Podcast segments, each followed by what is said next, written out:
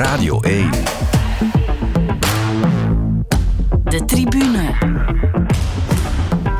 Jonathan Mettepenningen. Hallo en welkom bij deze special van de Tribune. Het is lang geleden dat we het over de Champions League gehad hebben, nog van voor de groepsfase. Er is veel gebeurd ondertussen, dus we blikken nog eens terug op het voorgerecht van deze Champions League campagne.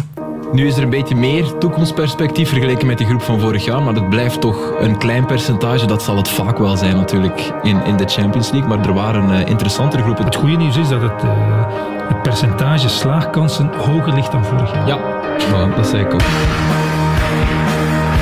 Van Aken, Jugla, daar is uh, Buchanan.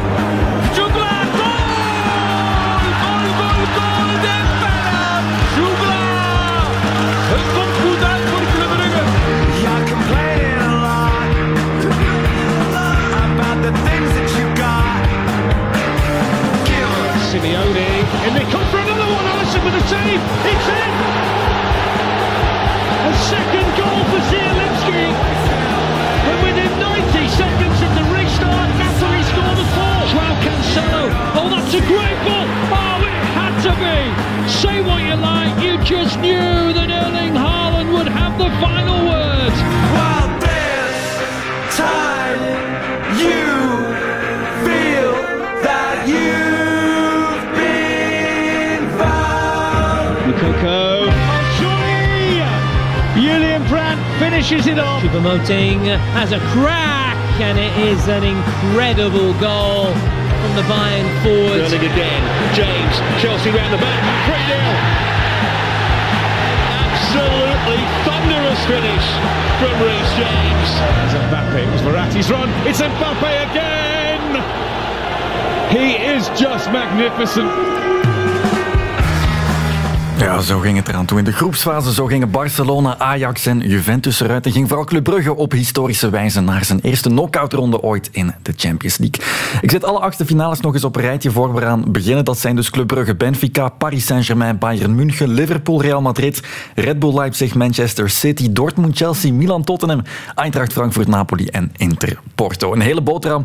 En dan heb ik Peter van den Bent en Astijn Zijemana nog niet. Verwelkomd, dag mannen. Dag Jonathan. Hey. Er zat een volledig WK tussen deze Champions League rondes. Ik moet zeggen dat dat WK ondertussen al vrij ver lijkt. Wat dan met die Champions League?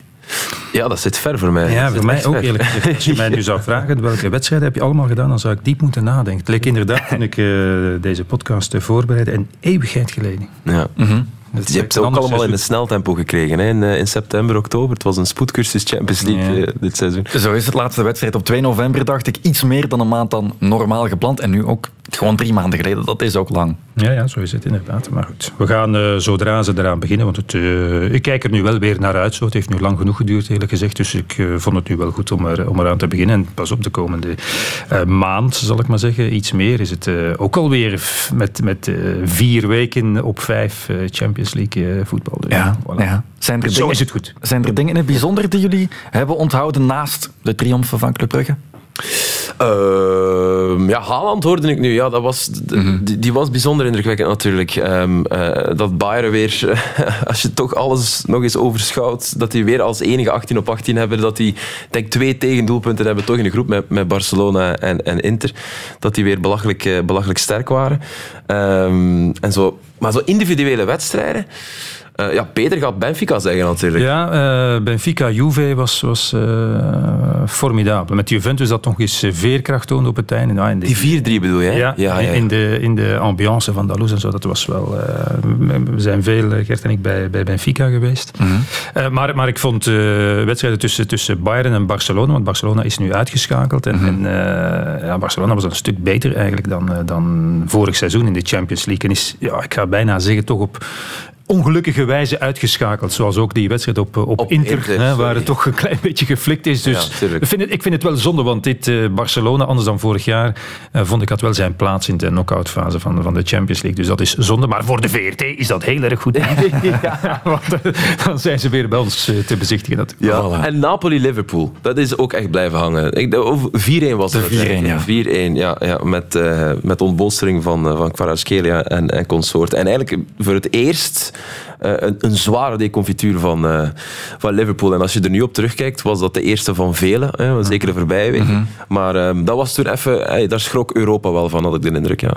Zo'n finalist vorig jaar, ja. Zeker. Ik stel voor dat we wedstrijd per wedstrijd gaan overlopen. Sommige wat uitgebreider dan andere.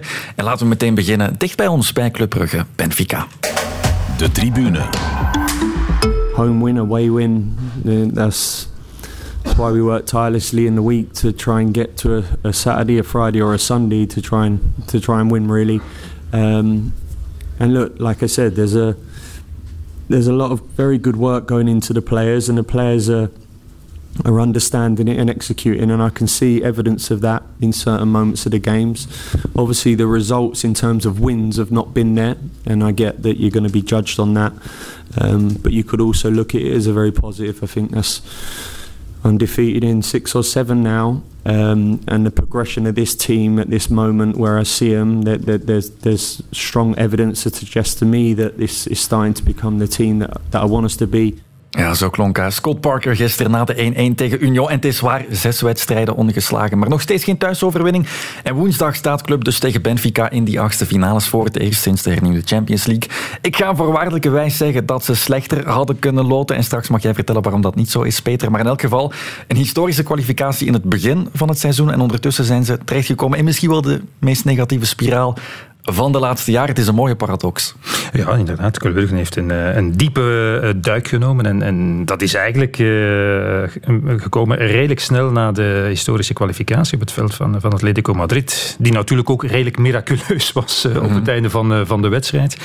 En nadien is het verval reuze groot natuurlijk. En als je Club Brugge gisteren nog zag spelen, mag je dat zeggen? We zijn zaterdagmiddag. Hè? Zeker. Wedstrijden gespeeld worden, dus misschien verkondigen we in, in allerlei competities. dan, ja, dan kan ik niet zeggen dat ze klaar zijn voor een uh, grootste prestatie tegen een sterke ploeg als Benfica. En ik weet wel, elke wedstrijd is anders en je komt in een andere soort dynamiek terecht in Europees voetbal. Maar, maar uh, ja, Club Brugge straalt op dit moment in elk geval niet uit dat het, dat het kan stunten tegen, tegen Benfica. Je ziet te veel twijfel in de ploeg. Voilà, als je dat, dat het woord, twijfel. Als je dat vergelijkt met Union, dat is een ploeg die en vorm en vertrouwen heeft. Dus ja, dat is, ik zou toch durven denken, en dat is een beetje zonde, want het is toch alles bij elkaar een prachtige prestatie geweest. Het is een beetje zonde dat de club nu in deze vorm en met dit wankele vertrouwen er moet aan beginnen. Ja, dat was natuurlijk het werk van Karel Hoefkes, die historische kwalificatie. Scott Parker is zeker ook voor deze Champions League naar het vasteland gekomen. Verwachten we dat hij het op Champions League niveau opeens wel zal kunnen? Maar hij, ik vind dat moeilijk om dat over hem te laten gaan. Bedoel, hij is nog altijd op zoek, duidelijk. Hè, dus hij kan ook de twijfel niet weghalen. Je zou zelfs kunnen zeggen dat ook hij nog een zoekende trainer is en net op die manier die twijfel nog extra voedt bij Club Brugge. Dus ik denk niet dat dat uh, nu die dubbele confrontatie met Benfica gaat over kan Scott Parker het daar. Want het gaat niet om een, om een geniale tactische vondst. Het gaat, niet om, het gaat niet om hij die zich in die wedstrijd moet bewijzen. Hij heeft het nog altijd niet gevonden bij Club Brugge. Dus mm -hmm. het is, veel zal hij niet kunnen veranderen, denk ik, aan, aan, aan, de, aan de vorm waarin Club Brugge nu zit. Het, is, het kan toch niet gebeuren dat hij morgen op training een, een, geniaal idee heeft en zijn groep met de juiste woorden weet te raken. Dat is een proces van weken. Als je kijkt naar, naar, naar de wedstrijd van Hans van Aken, die bepalend was, en ja. tot mijn lichte verbijstering ook tot man van de match werd verkozen. Maar, maar als, je, ja, als je ziet het, het, het, aantal balverliezen die hij heeft geleden, zelfs het publiek reageerde er af en toe. En dat is dan, ik neem hem er nu uit als de beste eigenlijk. Als je ziet hoe Remtzoek weer hard gewerkt, maar ook geworsteld heeft. Mm -hmm. Matta toch jarenlang absolute sterkhouder van Club Brugge. Iemand die we zagen in een betere competitie bij een betere ploeg. Ja, en gaan ze zomaar af eigenlijk al. Mats Rits, van wie toch verwacht wordt dat hij een belangrijke rol kon spelen als hij weer helemaal fit was. Ik denk niet dat hij drie ballen geraakt heeft. Zijn vervanger eh, Niels hetzelfde. Dus ja, het gaat ook om individuele vorm en vertrouwen. En om, om het even hoe, hè, wat Aster zegt, ik ben het ermee eens, de coach dan heet. Ja, dan moet je niet de hele tijd naar de coach zitten kijken. Nee. Op dit moment daarvoor is de tijd een beetje te kort. Uh, het enige wat ik wel denk is, ja, het helpt niet als je Matta in je eerste wedstrijd op Genk op de bank zet voor Buchanan. Maar dat ook, niet, ook niet fit en de Aster, dat is het probleem. Hij, ja. hij zegt het zelf, die enkel blijft me maar. Ja. Hij begon er meteen over, ook Frankie van der Els vertelde dat. Dus ja, hij is, hij is, hij is eigenlijk niet fit. Niet fit eigenlijk. Ja, misschien zit je nu iets fitter, maar dat straalt hij ook uit. Mm -hmm. uh, balverliezen, passes, is echt wel... Uh, en hoewel Club Brugge gisteren uh, kansen genoeg had om uiteindelijk nog te winnen, dat is wat anders. Ik zou zeggen, als ik nu gisteren de hele ploeg afga, dan zou ik zeggen, uh, de enige die klaar is voor de Champions League is Noah Lang. Ja, die heeft ja, nergens hij last. wel. Die heeft nergens last van. Die speelde eh, alsof hij dit seizoen nog niets heeft beleefd of nog niets heeft meegemaakt. Ja. Vol gas, Dat vol lef, alles proberen. Dus ja, die, die gaat En die doet het staan. al wekenlang eigenlijk in een ploeg die, die naar zichzelf zoekt. Het is eigenlijk al, al weken op rij de, de beste. Ja. Degene die, die niet aflatend blijft proberen. Ja. En dat is, dat is lovenswaardig. En gisteren begon hij dan wel op links, zijn favoriete positie, werd hij dan toch in de spits gezet. Er ligt extra druk op hem. Hij is in topvorm, maar hij moet dan ook nog eens voor de doelpunten zorgen. Ja, en die ene kans had hij wel moeten afmaken. Ja. Dat vond ik te ingewikkeld willen doen. Terwijl rechts gewoon de, Ja. de ruimte lag om, eh, om die gewoon binnen te duwen, leek mij. Maar goed, nog eens, eh, als je moet kijken, dan, dan was hij toch de man die zijn, eh, die zijn wedstrijd heeft, heeft gespeeld. Maar in voetbal kan alles, dus je moet altijd een slag om de arm houden. Maar in principe is dat eh, allemaal ruimschoots onvoldoende om eh, Benfica wat in de weg te leggen. Zeker omdat dat een ploeg is. Ja, als er nu één ploeg niet twijfelt, en dat hebben we in de Champions League gezien. En, en, en elke, ja, elke, elke, elke vorm van twijfel die er nog maar zou zijn, elk kruimeltje twijfel dat in je lijf zit, wordt compleet weggeblazen door Benfica. Dus dat zijn zoals, dat- zoals bloedhonden. Als die iets van onzekerheid ruiken, dan, dan gaan, die, gaan die je normaal gezien afstraffen. Dus ik ben ja, zeer benieuwd. Ja. De, de, de, de vorm waarop we Benfica beoordelen, dat heeft natuurlijk van voor het eh, WK. Ik zou zeggen, als het Benfica dat ik toen heb zien spelen tegen Juve, tegen PSG, ja, dan moet je daar niet aan beginnen. Club Brugge zijn, moet je eh, eh, grote angst hebben voor een geweldig pak rammel. Ja. We zijn nu drie maanden later. Ze vertonen eh, de laatste tijd, maar dat leid ik dan af uit de, de cijfers. Misschien een klein beetje hier en daar wat barsjes. Ze zijn nu gi- eergisteren uitgeschakeld in, in, de, in de beker. Ik moet wel zeggen, ik ben een beetje op de sukkel, dus ik doe een oproep aan de luisteraars om mij een nieuwe illegale site te verschaffen. Want mijn, hè, wat ik altijd kon kijken naar de wedstrijden van Benfica is eh, geblokkeerd. Ja, ja, ik hoorde FBI, als ik het goed heb. dus ik, eh, ik heb niet kunnen kijken naar de, de bekerwedstrijd. Ik eh, gaf op, op de, de Portugese media. En het was natuurlijk... Ze zijn na een half uur al met, met tien gevallen na, na rood. Het was met de strafschoppen eruit bij... eh, ehm, Braga. bij Braga. Die ze ook, hè, dat is de enige wedstrijd die ze hebben verloren in de competitie, was ook 3-0 eerste na het WK. Maar er spelen ook twee wereldkampioenen mee, die misschien Ja, wel met voilà. hun hoofd ergens anders zaten en zo. Dus tegelijkertijd hebben ze natuurlijk in, in, eh, in de competitie daarna ook weer vijf keer gewonnen. Geen enkele tegengoal. Een Gelijkspel tegen Sporting, dat kan gebeuren in, in de derby. Dus eh, ondanks het vertrek van Enzo Fernandes, dat is wel een grote krater op het middenveld, eh, ja, lijkt het er toch gewoon weer, weer te staan. En, en daar speelt nu Chiquinho. Ja. Ik heb die een paar keer zien invallen, maar goed, ik kan er nu geen, geen eh, eh, kwaliteiten oh, eh, van opnoemen. Maar het is, ook, het is een vergelijkbaar verhaal met Florentino, de man naast hem. Ja, Florentino Luis. Eh, ze hebben hem een jaar of vier, vijf geleden gekocht, is al overal naartoe geweest. En hij lijkt nu de man die op het middenveld daar eh, Enzo Fernandes gaat vervangen. Ja. En dan nog eens, die was natuurlijk wel, wel bepalend, maar, maar de, de het DNA van het elftal blijft hetzelfde. We hebben dat al vaak gezegd. Het is eh, ongelooflijke techniek. Ze kunnen een tempo ontwikkelen waar geen enkele Belgische ploeg eh, mee, mee kan, waar veel internationale topploegen het ook lastig mee hebben gehad. PSG met name, dat is toch een Ja. van de allergrootste. En ja, het blijft eh, techniek en scoren vermogen. En het is, het is gewoon een ongelooflijk compleet eh, elftal. Als je kijkt wat ze de voor, voorbije jaren hebben gedaan in de Champions League, jaar bedoel ik dan. Ja, ze hebben ook gewonnen en gelijk tegen Barcelona. Eh, eh, vorig jaar. Ze hebben Ajax toch toen uitgeschakeld. Ja, Enzovoort. en dat was in een seizoen met twijfel nog. Ja, want het Ja. was een, een periode van, eh, van onzekerheid nog, nog rond. Dat is, dat is de straffe aan Roger Smit, is dat hij dat schip wel op een manier terug naar, naar veiligere wateren heeft, heeft kunnen, kunnen loodsen. Ehm, ik zou bijna zeggen onrustigere wateren. want ehm, ja, ah, het, is, het, is, het, is, het, is, het is volgaas voetbal op zijn, ehm, ja, op zijn, op zijn Duits. hè. En ik moet wel zeggen, wist jij dat Peter? Gonzalo Ramos, dat dat eigenlijk een eh, aanvallende middenvelder was? Ja, die begonnen, ja, zo begonnen. Ja, dat wist ik eigenlijk niet. Hij, was, hij was nu ook eh, even geblesseerd, maar ze hebben... ehm, eh, want Rafa Silva, zoals je weet, had ik dat al gezegd, dat dat mijn favoriete speler is. maar die heeft, dus die was ook even geblesseerd. Dus ze hebben wel een beetje, een beetje geworsteld met, met dingen. Maar ze hebben van eh eh, Gonzalo Guedes teruggehaald. Hè, van, van Wolves. En ja, die, ik lees dat dan. Die draait blijkbaar meteen wel goed mee in dat, eh, in dat elftal.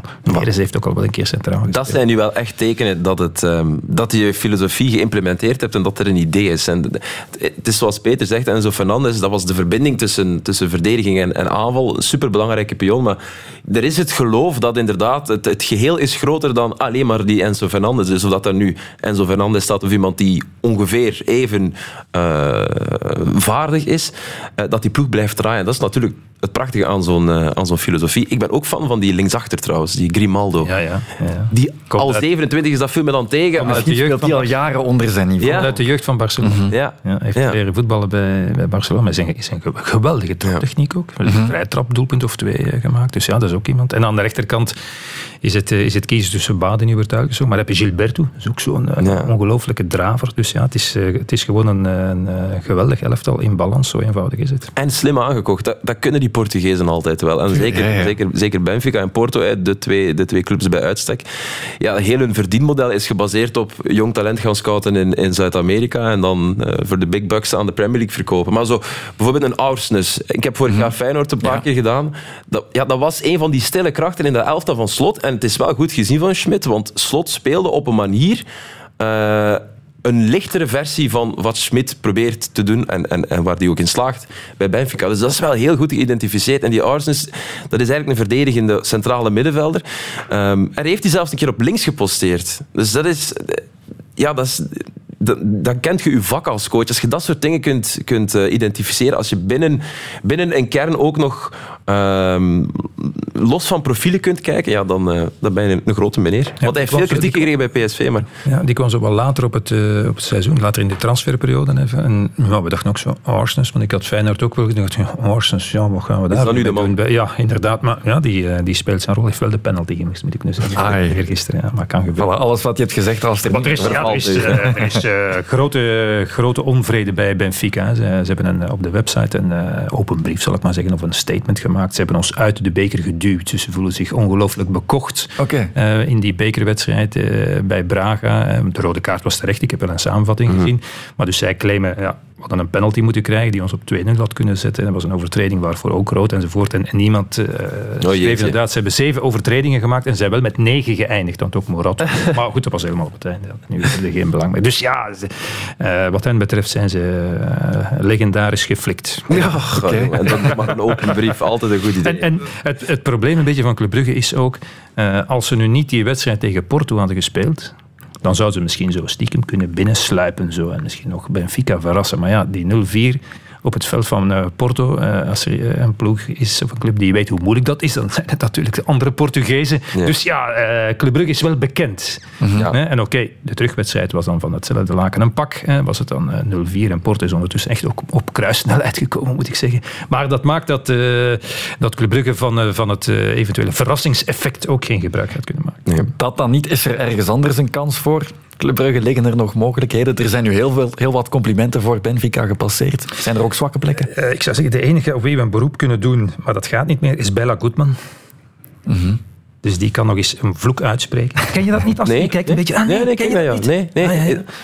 Dus Bella Goodman was de trainer van Benfica in de jaren 60, die dus eh, de beker bij de landskampioenen won. Ja. Twee keer na elkaar, in 62, de laatste keer. En hij vroeg loonsopslag.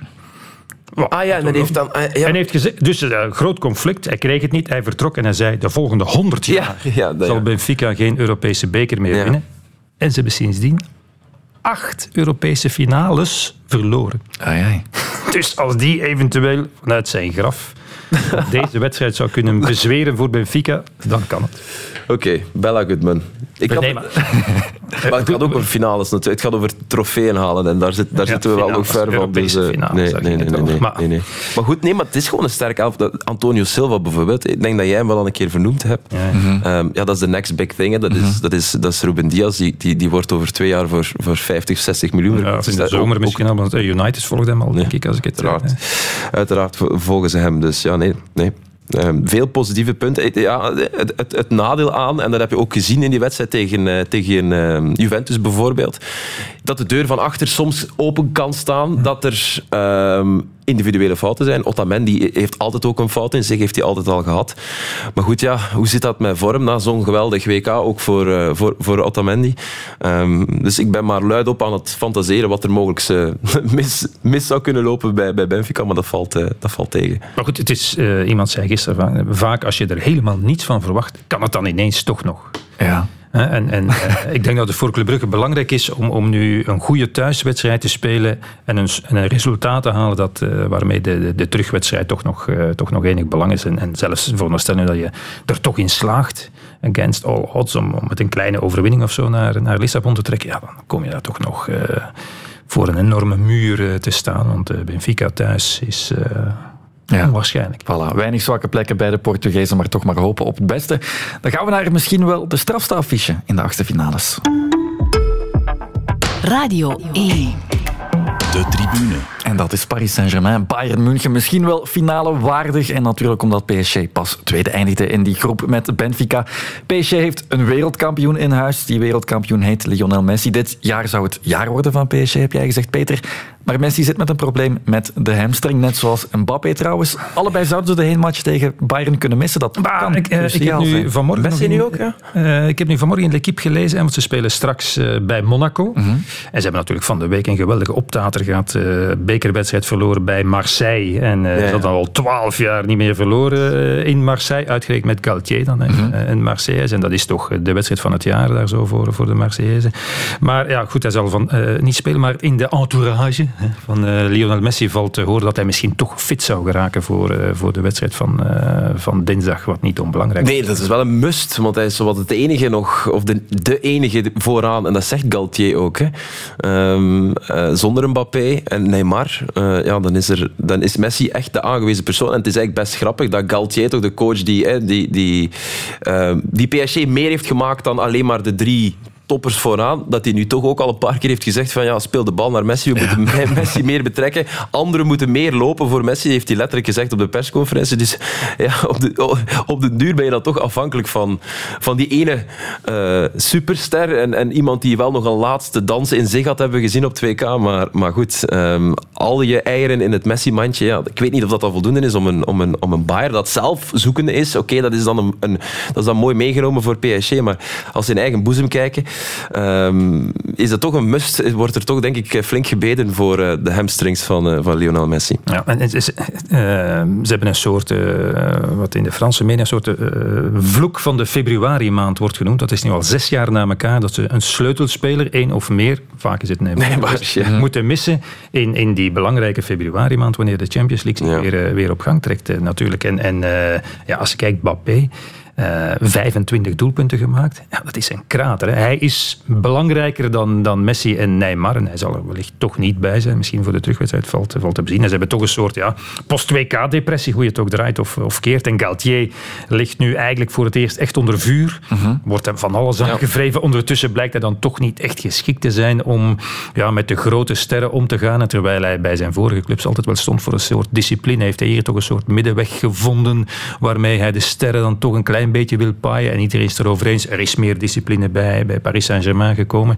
En hij begint nu ook tactisch wat te schuiven. Want hij, had, hij was begonnen met, hè, met drie verdedigers. Een duidelijk tactisch concept. Maar dat werkte niet. Hij heeft dan 4-4-2 gespeeld. Een platte 4-4-2 met een ruit. Dat is allemaal failliet gegaan bij wijze van spreken. Dus ja, het is toch een beetje een, een uh, thinkerman nu geworden uh, ineens. En, en ja, je hebt je hebt de weerbarstige vorm ook van, uh, van spelers. Hè. Ze hebben, ze hebben dan eens wat hoger ja. proberen zetten. Dat lukt ook helemaal niet. Dus ja, het is een, het is een elftal op drift. En wat, wat uh, werd vastgesteld in die wedstrijd tegen Marseille, dat uh, geweldige intensiteit in zijn spel legt, laten we zeggen het eerste uur. Ja, dat is als het tempo de hoogte ingaat, dat Paris Saint-Germain moet passen op ja. dit moment. En als er iets is wat Bayern München kan, is het natuurlijk tempo ontwikkelen als ze er zin in hebben. Zeker in, in thuiswedstrijden. Dus ja, de... Dus mijn, uh, de ploeg die ik als grote favoriet naar voren had uh, geschoven bij de start van het seizoen, ja, dan gaat toch wankelen tegen Bayern. Verratti is ook oud. Ja. ja. Van vanavond mm -hmm. ligt wel voor, voor het duel van, eh, van dinsdag. Dus, Renato Sanchez ook. Sergio Ramos is denk ik ook onzeker. Onzeker, ja. Die speelt echt weer zo'n Ramos-wedstrijd in de beker. Dus eh, eerst een penalty-overtreding maken. Hè, en dan wel natuurlijk gelijk maken. En hij was, hij was de gevaarlijkste man. Nog op het einde nog een doelpunt afgekeurd. Mhm, eh, voor buitenspel. Nog eens een kans op de doelman gekopt. Dus het, het was echt een, eh, een Sergio Ramos-wedstrijd. Want Kim Pembe is... Enfin, hij was nu weer bij de groep, las ik. Maar, maar, Maar ja, is ook al niet meer dat telt gespeeld wel op. Dat telt op. oktober. Dus ja, ja het is... Dus we missen heel veel. Over dat aanvallende compa- compartiment dan nog eens. Het is vrij mager. Het is naast de drie supersterren, zou ik zeggen. Ja, Ekitike ja, is er nog. Ja, die, eh, Maar verder, Sarabia is bijvoorbeeld mogen gaan, dus Ja, die is Ja, weg. Of ja die is naar, eh, naar Wolves, hè, van Sarabia. Ja, en, en dan stonden ze dicht bij, eh, bij Ziyech. Ik vroeg me af, van, Hakim Ziyech, wat ga je nu in hemelsnaam in Parijs gaan doen om daar dan op de bank te zitten voor de grote drie? Maar goed, het, het voordeel is dat er waarschijnlijk altijd wel ergens een plekje zou geweest zijn de komende, de komende maanden in, in dat elftal. En eigenlijk achteraf bekeken hadden ze hem eh, van, vanuit het Parijse perspectief hadden ze hem, hadden ze hem eh, goed kunnen gebruiken, eh, denk ik. Maar ik zag PSG tegen, wat was het, Toulouse, denk Ja. ik, onlangs. Ehm, en ja, daar was het spel echt stereotype. Stereotyp, maar dat is het grote. stereotyp. Ook tegen Marseille, waar ze het laatste half uur dan wel baas waren, echt baas, kwam er eigenlijk niks van. Ja, Neymar heeft wel eens tegen de paal getrapt. Ja. Maar, maar ja, er kwam eigenlijk niks van. Hoewel ze dan ja, toch de wedstrijd in handen hadden eigenlijk. En, en één bal, ik denk één schot van Messi of zoiets. Dus, dus dat was wel schrijnend. Het, het, eh, het grote gebrek aan ja, creativiteit moet ik dan zeggen. Of tenminste toch echt een concrete dreiging. Ja. Dus ja.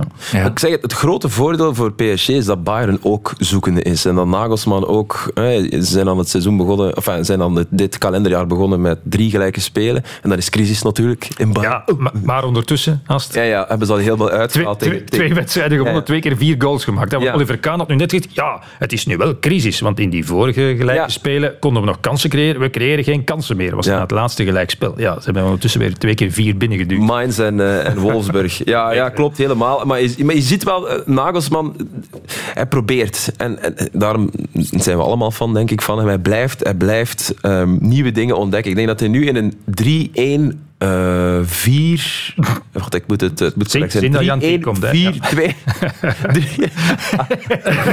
Niet 4-4-3, hè. Zo, Nee, nee. zo, zo- Nee, nee, maar ik heb ook, al, 4-4-3. ik heb Nee. ook al dingen zien passeren op, 3-1-4. op Twitter met inderdaad heel uitgerekte formaties. Maar het is straf, hij heeft er Joao Cancelo nu bij Ja. gekregen. Voor een dominante ploeg als Bayern, als die van Nagelsman, is dat een heel groot cadeau, denk ik. Maar niet ik normaal. Niet normaal. Wat Dus Pep moest hij niet meer hebben. Nee, binnen de kortste keer. Nee, dat is toch ongelooflijk. Het is straf, ja. Dat, dat vonden wij toch lange tijd een van de allerbeste. Ja, Bij- natuurlijk. Bij eh, Man City die vanaf zijn linksbackpositie het spel kwam maken. Ik, ik maak er een beetje een karikatuur. Ja, maar ik heb daar super interessante analyse over gelezen. Maar we zullen het daar straks misschien ging het net zeggen, hebben het bij- zegt waarschijnlijk bij- iets over City waar we straks Ja, nee. Maar het is wel interessant, bij Bayern leeft nu, en eigenlijk al een hele poos, ehm, de discussie Muller-Musiala. Ja. Dus Thomas Muller, ze hebben al geprobeerd... Er zijn, er, al, er zijn al trainers geweest die geprobeerd hebben om het zonder Thomas Muller te doen. Er zijn ook bondscoaches die dat geprobeerd hebben. Eigenlijk is de conclusie, zonder Thomas Muller kom je niet. Dus je, iedereen bijt zijn tanden stuk op dat vraagstuk, omdat iedereen altijd denkt, ja, zijn tijd is gekomen. Het, is, het is tijd om, om, om iemand nieuw te proberen. Maar uiteindelijk kom je toch tot de conclusie dat je het met Muller moet, eh, moet doen. Nu is er Musiala gekomen. Dus nu is hij de volgende die naar voren wordt geschoven als ja, de grote Muller-vervanger. Ehm, maar ook Nagelsman is tot de conclusie gekomen, ja, ik heb die Muller toch nodig in mijn elftal. Alleen waar? Je zet Muller best achter de spitsen als die zogenaamde eh, ruimdeuter, eh, die, die, die, die ruimte... eh, Ja, ja. eh, ja, hoe zeg je dat eigenlijk? eh, Ja, nee, iemand die Beseffer, ongelooflijk gevoel voor Ja. ruimte heeft. Duider. En, ja. en- ja. ja, Ja, ja. ja, voilà. En die daar gebruik van maakt. Ja. En ehm, in zijn nieuwste formatie heeft hij dus toch een plaats gevonden voor, eh, voor, voor Muller en Musiala. Muller staat nu naast, eh naast Choupo-Moting een beetje de rond. En Musiala staat in een soort van links-centraal aanvallende middenveldrol. En Sané staat er ook wel eens naast. Ja, ja, klopt. Ja, dus, dus, dus, dus Musiala Sané en, Sané ja. staan centraal naast elkaar. nu. Ja, ja, ja. Ja, maar je hebt ook nog... Je hebt ook nog eh, Je hebt Choupo Coman Moting, de spits van Bayern München, is Ja. Choupo Moting. Ja. En ik weet, eh, toen het eh Bayern-Barcelona was, eh, vroeg ik aan Gert van, ja, kan je met Choupo Moting die Champions League winnen? Ja, we zouden zeggen, ja, nee, dat kan natuurlijk niet. Maar ja, hij doet het gewoon uitstekend. Hij- En zijn, zijn statistiek, ik heb het ergens opgeschreven, hoeveel doelpunten hij heeft eh, gemaakt. Ik zie het hier nu niet meteen staan in mijn eh, gekribbel hier. Maar hij heeft het, ja, 13 doelpunten heeft hij al Ja. eh, gemaakt. En ja, duwt ze er altijd en overal binnen. Niet vergeten, ehm, in die wedstrijden eh, twee jaar geleden tegen Paris Saint-Germain. De, de ploeg waar hij zelf Ja. zijn bepalende rol speelde in de kwart of de halve finale. Toen PSG eh, finale speelde tegen Bayern. Heeft hij er toch twee keer één gemaakt zo tegen. Dus ja, het is... en Zo, daar, daarvoor en aan het einde van die eh, ingewikkelde formatie staat er dan gewoon maar... eh, De, de Erik. om, doel- om doel- doelpunten te maken, maar Ja. ook voetbal. Ja, ik weet in die wedstrijd tegen Barcelona was het denk ik, ja, die voetbalde ook Maar echt die is wel zwaar mee. Hè? onderschat als, als, als voetballer. Hij heeft een strafprofiel ook, is heel groot en kan dus voetballen. Hij blijft sterk ook. Het is Maar het toont niet ook de gewoon aan dat die we altijd gehoord hebben, maar Nee, maar het toont ook wel aan dat, dat het is niet zo... het is niet dat je daar eender wie kan zetten, maar het toont ook wel de kracht van Bayern München aan, dat ook zonder Lewandowski je een, een, een meer dan degelijke spits daar tot, tot doelpuntenmachine, of ja, het is misschien overdreven, maar tot, tot, ja, tot, tot scorende spits kunt, eh, kunt, kunt toveren eigenlijk. Ja. ja, hoe loopt een schaakwedstrijd tussen Nagelsman en Galtier af? Ik weet niet of dat een schaakwedstrijd gaat zijn, eerlijk gezegd. Nee, ik denk dat eh Bayern gaat gewoon zijn spel spelen. En, en hoe je het ook draait of keert, en met de, de situatie die we net hebben geschetst bij Paris Saint-Germain, is Bayern wordt met, met, wat mij betreft de favoriet en PSG eh, de underdog. Eh, en, en veel zal inderdaad afhangen van, eh, van de vorm en de beschikbaarheid van Messi. En wie weet dat Mbappé eh, voor- de terugwedstrijd misschien nog eh, inzetbaar is. Dus dat gaat toch, eh, dat gaat toch zijn belang eh, hebben, denk ik. ja, een tactisch eh, steekspel of tactisch schaken is hetzelfde met PSG. En dat heeft ook Galtier niet kunnen veranderen. Dat komt ook door het, het evenwicht in, in die kern in het elftal. Het is redelijk duidelijk hoe, ik zeg het stereotype, hoe, hoe PSG het, het gaat aanpakken. Dus Nagelsman tegen Guardiola, dat zou, dat, zou, dat zou een schaakspel worden, want die proberen elkaar af te troeven. Maar nu is het redelijk duidelijk hoe die wedstrijd er gaat uitzien. Eh, maar ja, goed, de vorige keren, dat is ondertussen twee jaar geleden, denk ik, ja, was het wel. PSG dat, eh, dat Ja, maar, Natuurlijk maar, maar, Dus- toen, eh, ja, met Mbappé inderdaad, en, en eh, wel, wel redelijk wat blessures. Lewandowski was er toen niet bij, herinner ik mij. Ah, blessures bij, bij Bayern. In de sneeuw herinner ik mij ook. Ja, dat weet ik nog. De wedstrijd in München, ja. COVID-toestand, zo, ja, was, eh, dus ja, dat was toch een beetje bijzonder. En ja, Neuer heeft er nog eens een, eh, een knuppel ingegooid, hè, zo vanaf eh, ja, ja, zijn ziekbed. Zo. Nog eens, eh, ja, dat was wel, want ze hebben de keeperstrainer dus aan de deur gezet, met wie hij dus samenwerkte sinds hij er was, 2011. En heeft dan in, in The Athletic en in een van de Duitse kranten een interviewtje gegeven dat toch wat deining heeft veroorzaakt. Ja, maar Dus- ze willen er voorlopig niks, niks over zeggen. Dus ze zeggen, we- we gaan er later op, op terugkomen. Even focus voor die wedstrijd tegen, eh, tegen, tegen PSG. Want hij legde toen ook uit, maar hoe hij, want ik dacht ook aan Neuer, je gaat dan skiën, jong. Dat moet hij dan nu doen, skiën. Maar dat, dus blijkbaar woont hij aan een skigebied, en dus waar hij al een miljoen keer de berg was afgekomen. Ja, dan, eh, En met ervaring mag het. Ja, het blijft Ja. risicovol. Ik vind dat soms, hij zei, soms ga ik lopen, soms ga ik wandelen en soms ga ik skiën. Ah, ja. Ah ja. eh, Dus ja, nu was het eh, even... de kans is groter dat je je been breekt tijdens het skiën, denk ik, dan tijdens het uitlaten van de hond. Maar oké.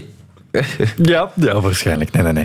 Een wedstrijd die waarschijnlijk over de heen- en terugwedstrijd beslist zal worden met eh, misschien andere pionnen. Als we deze wedstrijd als finale waardig aankondigden, wat moeten we dan zeggen over de volgende? Lovely little shift, and he goes again. And Salah's there, and it's a super save. Thibaut Courtois, and he goes on. And Mane! Oh, Courtois kept it out somehow. And he goes for the curling shot, which is beaten away.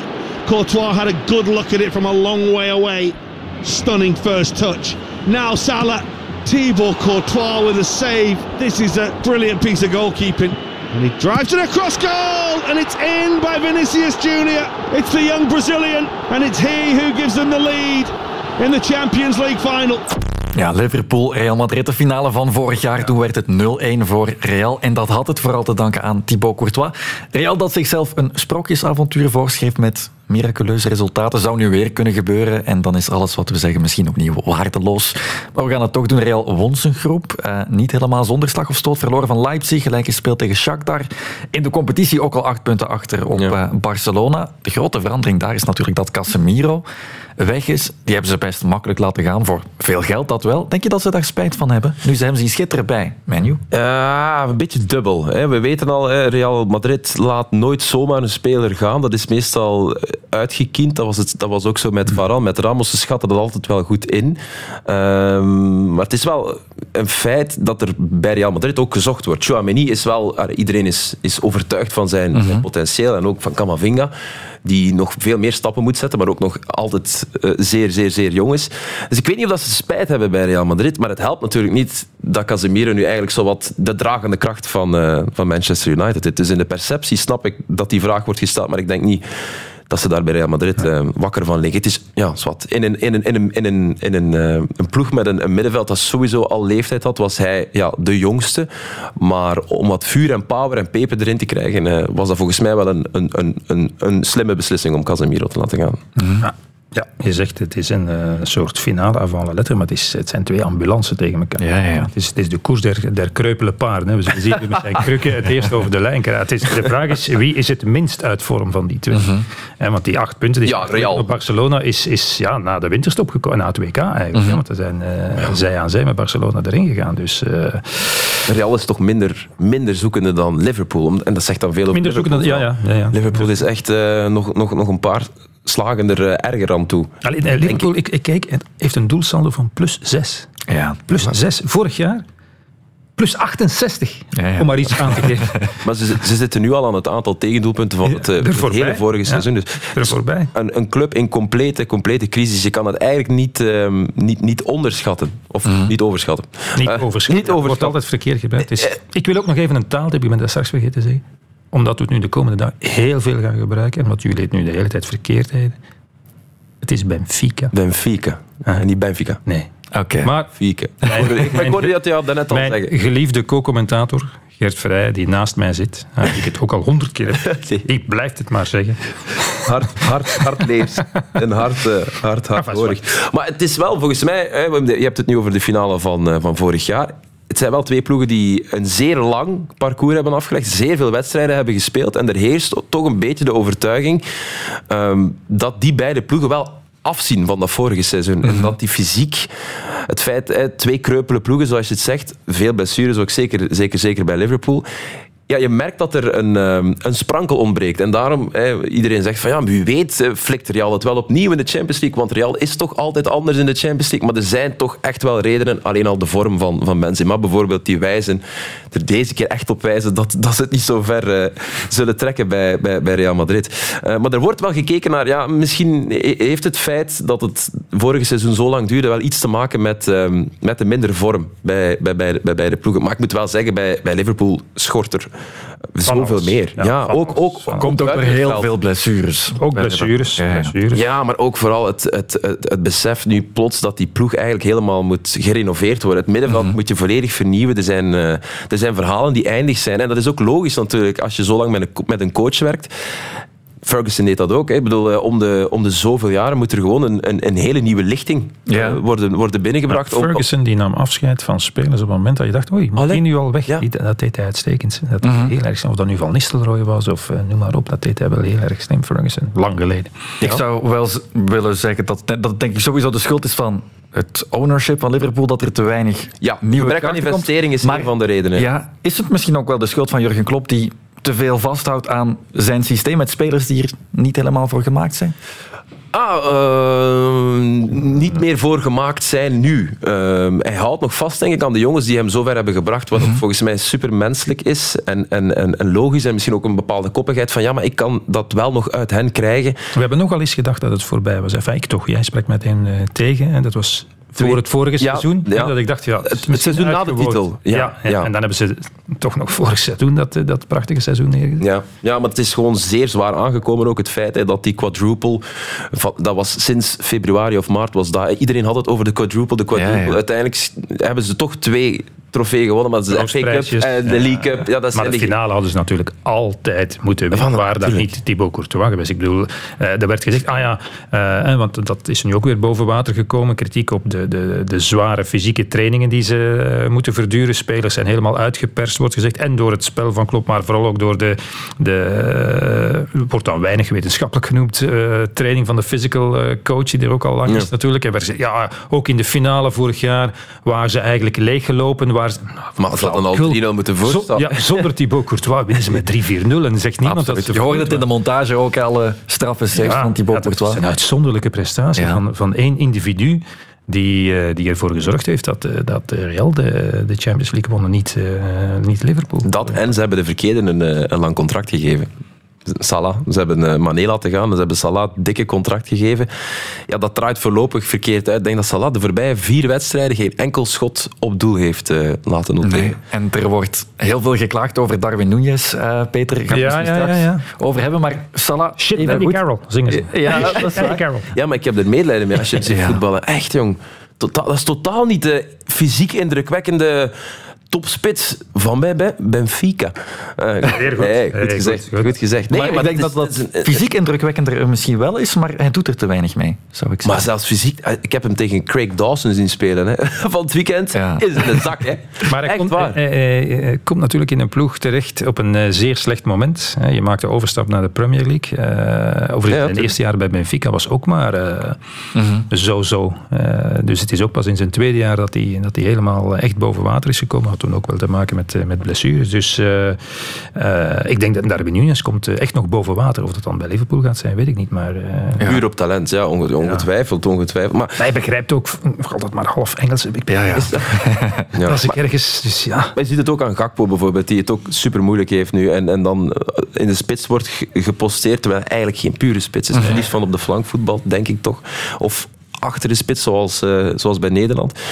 Maar ook achterin zijn er zware problemen bij Liverpool. Ik heb Matip en Gomez. Ik denk wel, Van Dijk zal wel normaal gezien fit genoeg zijn voor, eh, voor de wedstrijd tegen Real. En die zullen ze absoluut nodig hebben, want 1 of Gomez en 12, Matip, denk dat ik, was dat hij is onder... uitgevallen, eh, Van Dijk. Ja. Ze, ze hebben niet, meer, niet meer zoveel tegendoelpunten gehad als, eh, als eh, sinds het eerste jaar, dacht ik, Is het echt? hebben van Jurgen Klopp. Ah, ja, de- En toen waren we het er allemaal over eens dat dat het grote probleem was. Ja. En daar hebben ze Ja, ja, tuurlijk. Van Dijk gehaald, later Voilà. Ellison. En dat was het grote verschil. En hij heeft er uiteindelijk Ja. dan Champions League finale doen spelen. En zo ook toen tegen Real, denk ik. Hè. De finale met Bale, dat Ja. was toen...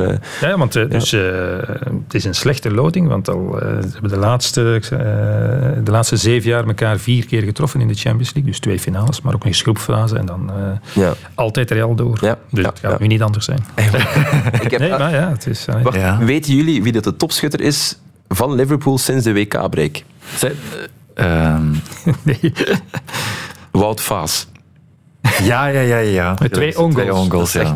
Toen ik dat las, toen ik dat las, dacht ik van dit zegt, dit zegt alles over, ehm, over dit Liverpool. En FSG, eh, Fenway Sports Group, wil, wil verkopen nu. Ja. Dus dat is ook een, dat is ook een moeilijke timing natuurlijk. Hè. Dus dat, dat, dat, die hele club zit... eh, Julian Ward, eh, dat is de sportieve directeur, de opvolger van Michael Edwards. Die, ja, dat is de man die deze ploeg heeft, eh, heeft iets samengebracht, samen met Jurgen Klopp. Die, wil, nu- die, die heeft al aangekondigd dat hij na het seizoen zal vertrekken. Dus er zijn heel veel vraagtekens op, op alle vlakken. Maar ja, op het veld is het eigenlijk heel simpel.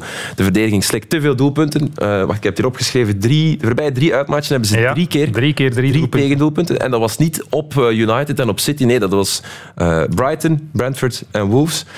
En, eh, en op aanvallend vlak is er gewoon een, een, ja, een compleet gebrek aan vertrouwen. Dat is echt, en ze, het lijkt inderdaad alsof ze het ook niet meer kunnen belopen. Dus ja, dat is wat. Dat is waar. Luis Diaz en Diogo Jota staan wel op terugkeren, maar Ja, ik wil nog... maakt een Ja, verschil. ik ben ook Ja. al lang niet gespeeld. Ja, Nee, dat is zeker waar. meteen weer eh, eh, 100% gaan zijn. Extra concurrentie zou je kunnen zeggen. Misschien helpt dat voor de pionnen die er nu staan. Maar Gakpo is dus de enige aankoop geweest in de winter. Terwijl er eigenlijk in dat middenveld Voilà, geïnvesteerd moet worden. heb, dat, is ook, dat is een heel leuke aankoop. En een groot, jong Nederlands eh, talent die het al op het WK heeft bewezen. Ook. Dus oké, meteen inzetbaar, klopt.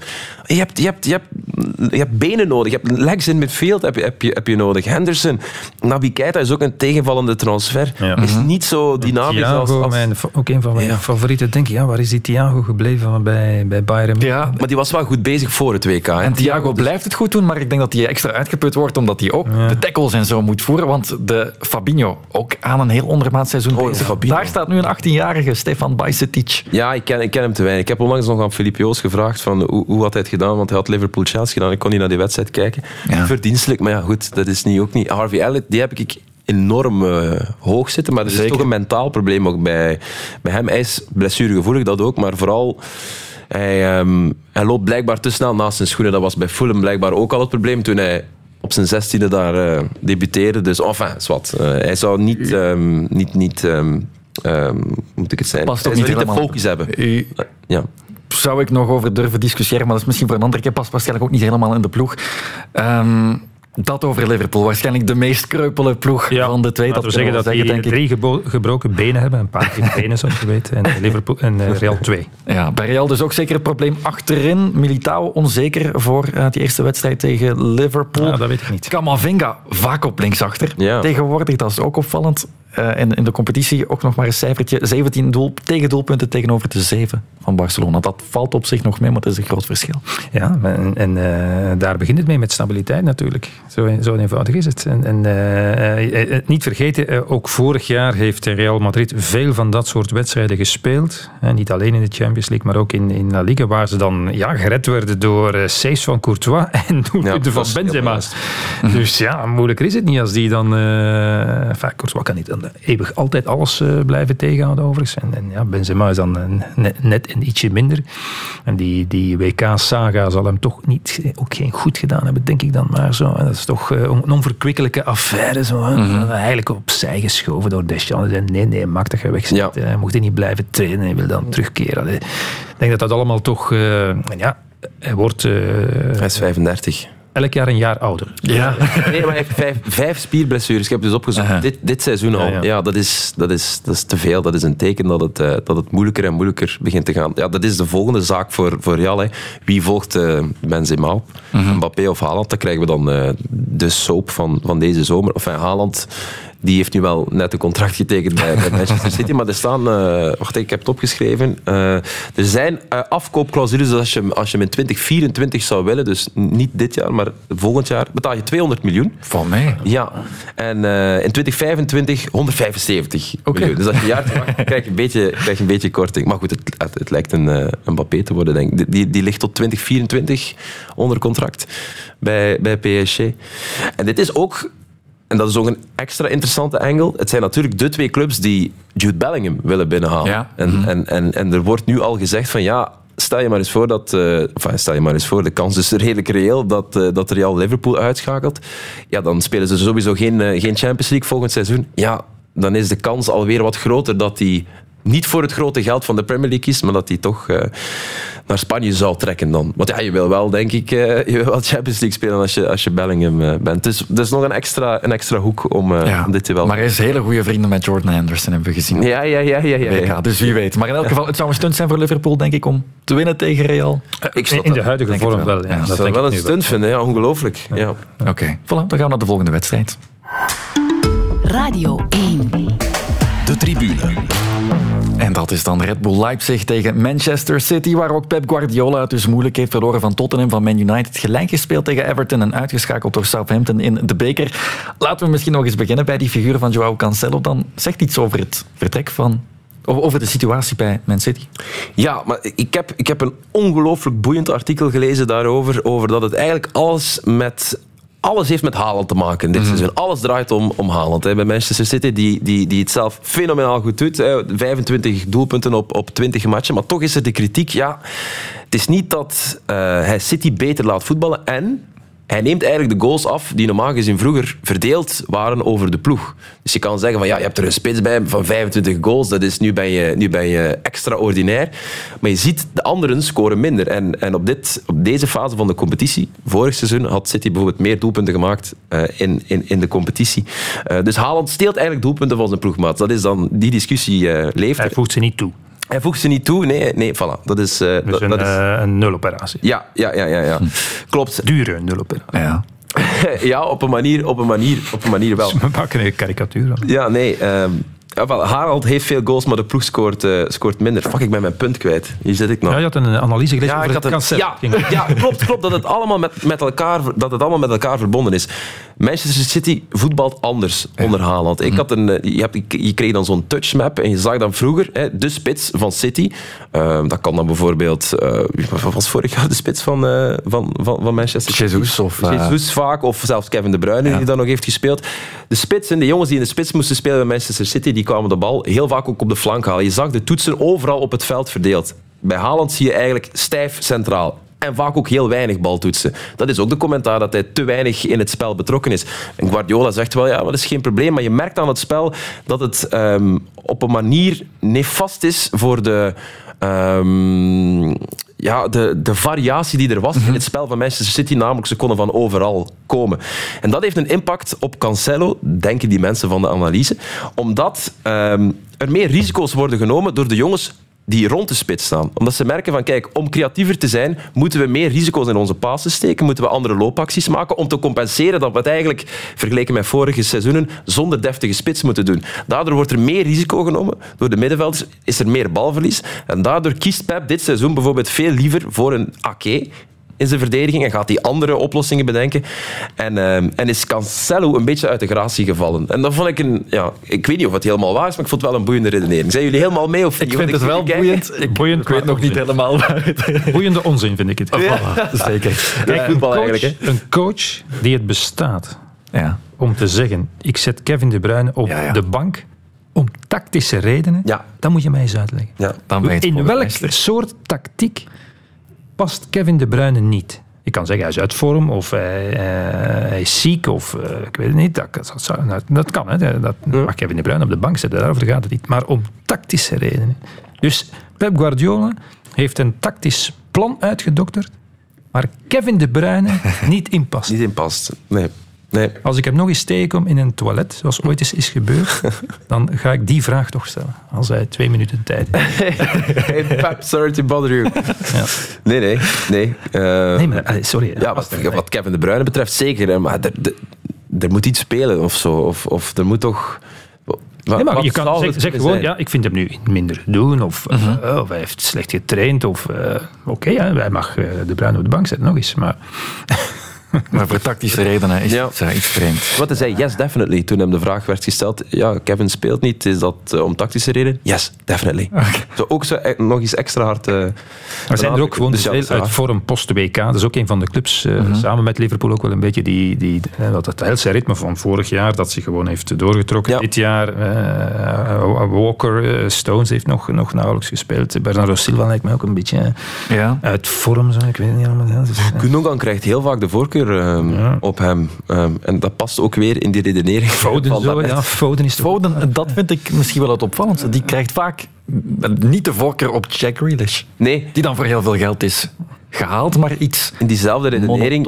Grealish is, iemand, Grealish is iemand die... ehm, je weet, positiespel is superbelangrijk bij Guardiola. Soms mm, verkiest hij dat het wat trager gaat. Hè, om, om ervoor te zorgen dat iedereen juist in positie staat.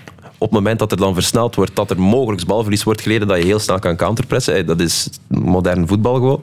En Grealish is iemand die ja, op die pauzeknop kan duwen. Ik, weet, ik heb ooit een keer, eh, een paar jaar geleden in deze podcast over pauze verteld, omdat dat een zeer eh, boeiend begrip was. Dat was nog met, eh, met Tom van den Bulke, die, die, die presenteerde. Jonathan, zo lang al geleden dus. Zo lang.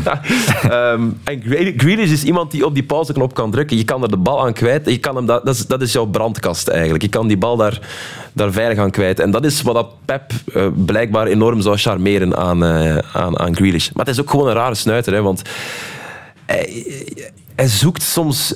Weet je nog dat hij een periode zei van ja, Kevin De Bruyne is niet in vorm. Terwijl hij had de winning goal gemaakt eh, in wedstrijden. En hij was, hij was fantastisch, vonden we allemaal. Ja, maar nee, hij kan zo, zo, hij kan zo, zo, zo, zo, zo veel beter. En dan plotseling speelt hij een degelijke wedstrijd. En dan zei hij daarna, oh fantastisch, Kevin was vandaag buitenaards. Dus hij ziet dingen die wij, die wij niet zien. Of hij, hij wil per se dingen kunnen zeggen die, waar wij eigenlijk geen antwoord op, op kunnen bieden. Omdat we niet weten wat er in de kleedkamer wordt gezegd. Ja, het brein van een genie of toch onzin dan. Ja. Eh, ja, Wie weet. Sowieso het brein van een genie, daar ben ik van overtuigd. Ja, maar ook genieën kunnen, eh, kunnen raar uit de hoek komen. En zeker, eh, zeker Pep Guardiola. Maar het is ook zo, ik heb bij City een beetje het gevoel van... van in het seizoen 1920, ik weet niet of dat jullie dat nog weten, die rat race, ja nee, maar bedoel, Ja, nee. het is toch moeilijk om, om, om terug te denken en even beschouwend. Het seizoen 1920 was het seizoen waarin dat Liverpool kampioen speelde, waarin ze allebei superveel punten haalden. Ja. En ook City was buitenaards, want ze haalden een record aantal punten. Maar je had altijd het gevoel om de drie, vier wedstrijden dat er ergens een flosje in zat. En een flosje betekent dan vaak een gelijkspel op Southampton, ik zeg maar iets. En ook nu merk je om de zoveel wedstrijden, nu weer bij Spurs, ja, zo gaan ze niet, zo gaan ze niet komen. Ja. Met, met, met Arsenal in deze vorm. En Ik denk dat dat een beetje het verhaal van Manchester City dit seizoen aan het, uh, aan het worden is. Ja, ik dacht dan net dat je het over het seizoen 1920 had, daarom dat ik... Uh, nee, nee, nee, sorry. nee.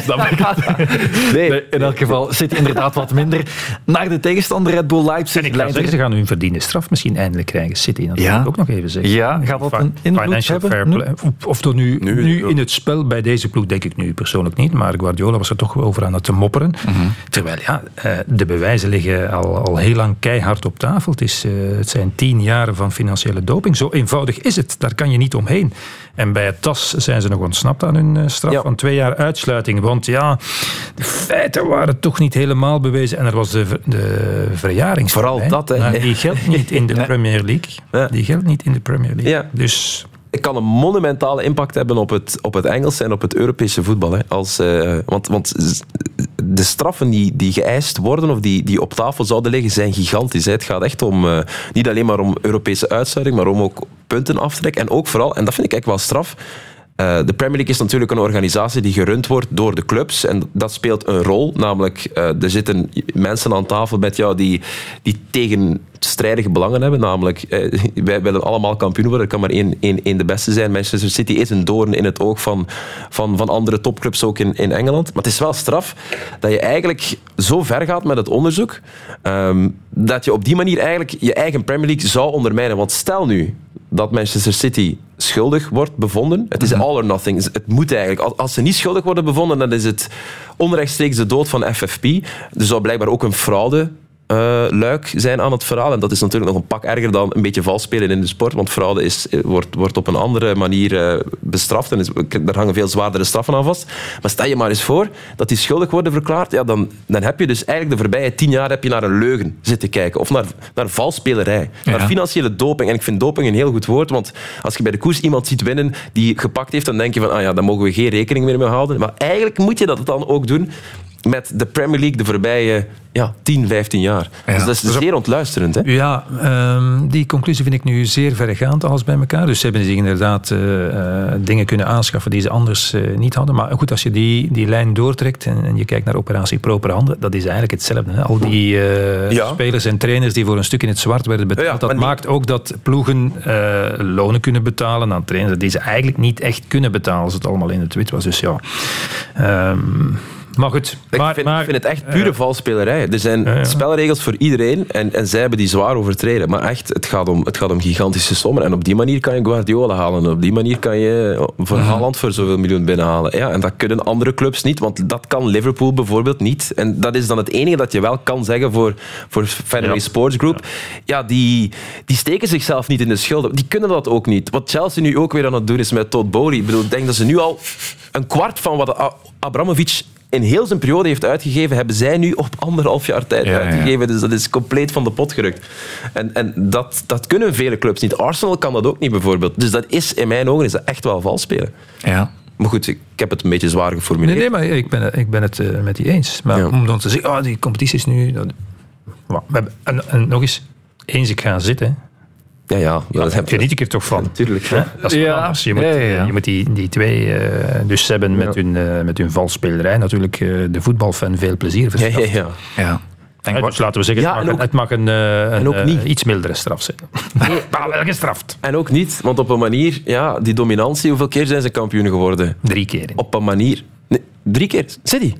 Ja, nee. De voorbije tien jaar zijn ze toch eh, vijf, zes keer kampioen gespeeld. Ben Ja, ik maar is, helemaal- het is- ik denk in de periode die onderzocht wordt. Ja, nee. Ah ja, oké, in de periode die, die Ja, onderzocht wordt. 2009 tot 2018 was die uh, Denk periode. het, ja, ik denk Ah ja, tot die 18, oké. ja, ja, ik zwart, dan, dan, eh, dan, dan kan het, dan kan het denk kloppen. dat, dat, dat ik gelezen heb dat dat drie keer... Maar maar goed, ik, vind, ik, kan, ik dank je wel inderdaad voor het mooie voetbal, maar ik kijk ook naar voetbal omwille van de spanning. En wie wordt er kampioen? En vaak in die seizoenen had je al in november door, ja, het wordt weer City. En dat neemt dan ook wel wat weg van de voetbal van, vind ik. Dus, Oké. Naar een ander voetbalconsortium daar, want er staan twee tegenover elkaar. City tegen Leipzig, Red Bull Leipzig. Eh, nummer vier in Duitsland momenteel met een uitgebalanceerde ploeg, denk ik, die nog altijd op datzelfde adagium voorgaat. en Wordt- niet meer verloren sinds 17 Ja. september. Ja. Ja, hallo. Tegen Borussia Mönchengladbach. 12 matchen. Bundesliga, ja, 18 matchen, 14 daarvan gewonnen. In, uiteraard de eh, Royal underdog tegen City, maar ja, moet het dan toch doen. En je zegt, hè, om, die het nog altijd op dezelfde manier doen, ja, terug op dezelfde manier. Want het was weg Ja. onder Tedesco. Dat hebben we ondertussen de voorbije weken ook eh, ontdekt. Hè, en alles wat er over Tedesco is verschenen. Dat, dat was inderdaad een van de, van de puntjes. Dat hij een, een, een, een nieuwe filosofie, zou ik niet durven zeggen, maar hij pakte het anders aan bij Leipzig. Ja, want hij zei ze- ook op de persconferentie, nee, ik ben geen Red Bull Nee, nee. eh, adept. Nee, nee, dat is het niet. En dat was ook in het begin was het ah, fijn bij Leipzig. Misschien is iets nieuws in die Red Bull school. Ja, geen enkel probleem. Een nieuwe filosofie. Ja, ondertussen zijn ze toch heel blij dat, eh, dat Marco Rose, die trouwens van Leipzig afkomstig is, ik wist, ik wist dat niet, ehm, dat hij daar nu terug wel het volgas eh, Red Bull eh, energiedrankvoetbal eh, speelt. Dus ze zijn eigenlijk heel blij dat, dat er terug is gekeerd naar, naar de oorspronkelijke filosofie. In een elftal dat, ehm, dat, dat vertrouwen uitstraalt. Klopt. Veel spelers met goede statistieken. Ja. Werner 11 doelpunten geloof ik. Die Soboslai. Ja. 13 eigenlijk. Ja, dat is toch altijd... Ja, als die echt goed is, vind ik dat toch een heerlijke speler om naar te kijken. Als hij fit is. En Kunku, ja. Dat is dan weer zonde. Dat hij dan, Die gaat dan naar Chelsea nu. Dat is weer al... Dat is een, het ophopen en het opkopen van, van alle talent. Ik vind het veel mooier als dat overal over Europa verspreid is. Ja, nu wordt dat... Ja, alles centraliseren in één competitie of in één ploeg, vind ik... eh, Ja. Wie is de ster van dit Leipzig? Is dat Nkunku? Ja, Kunku. Wat zeg je? Hebben ze die ook al gekocht?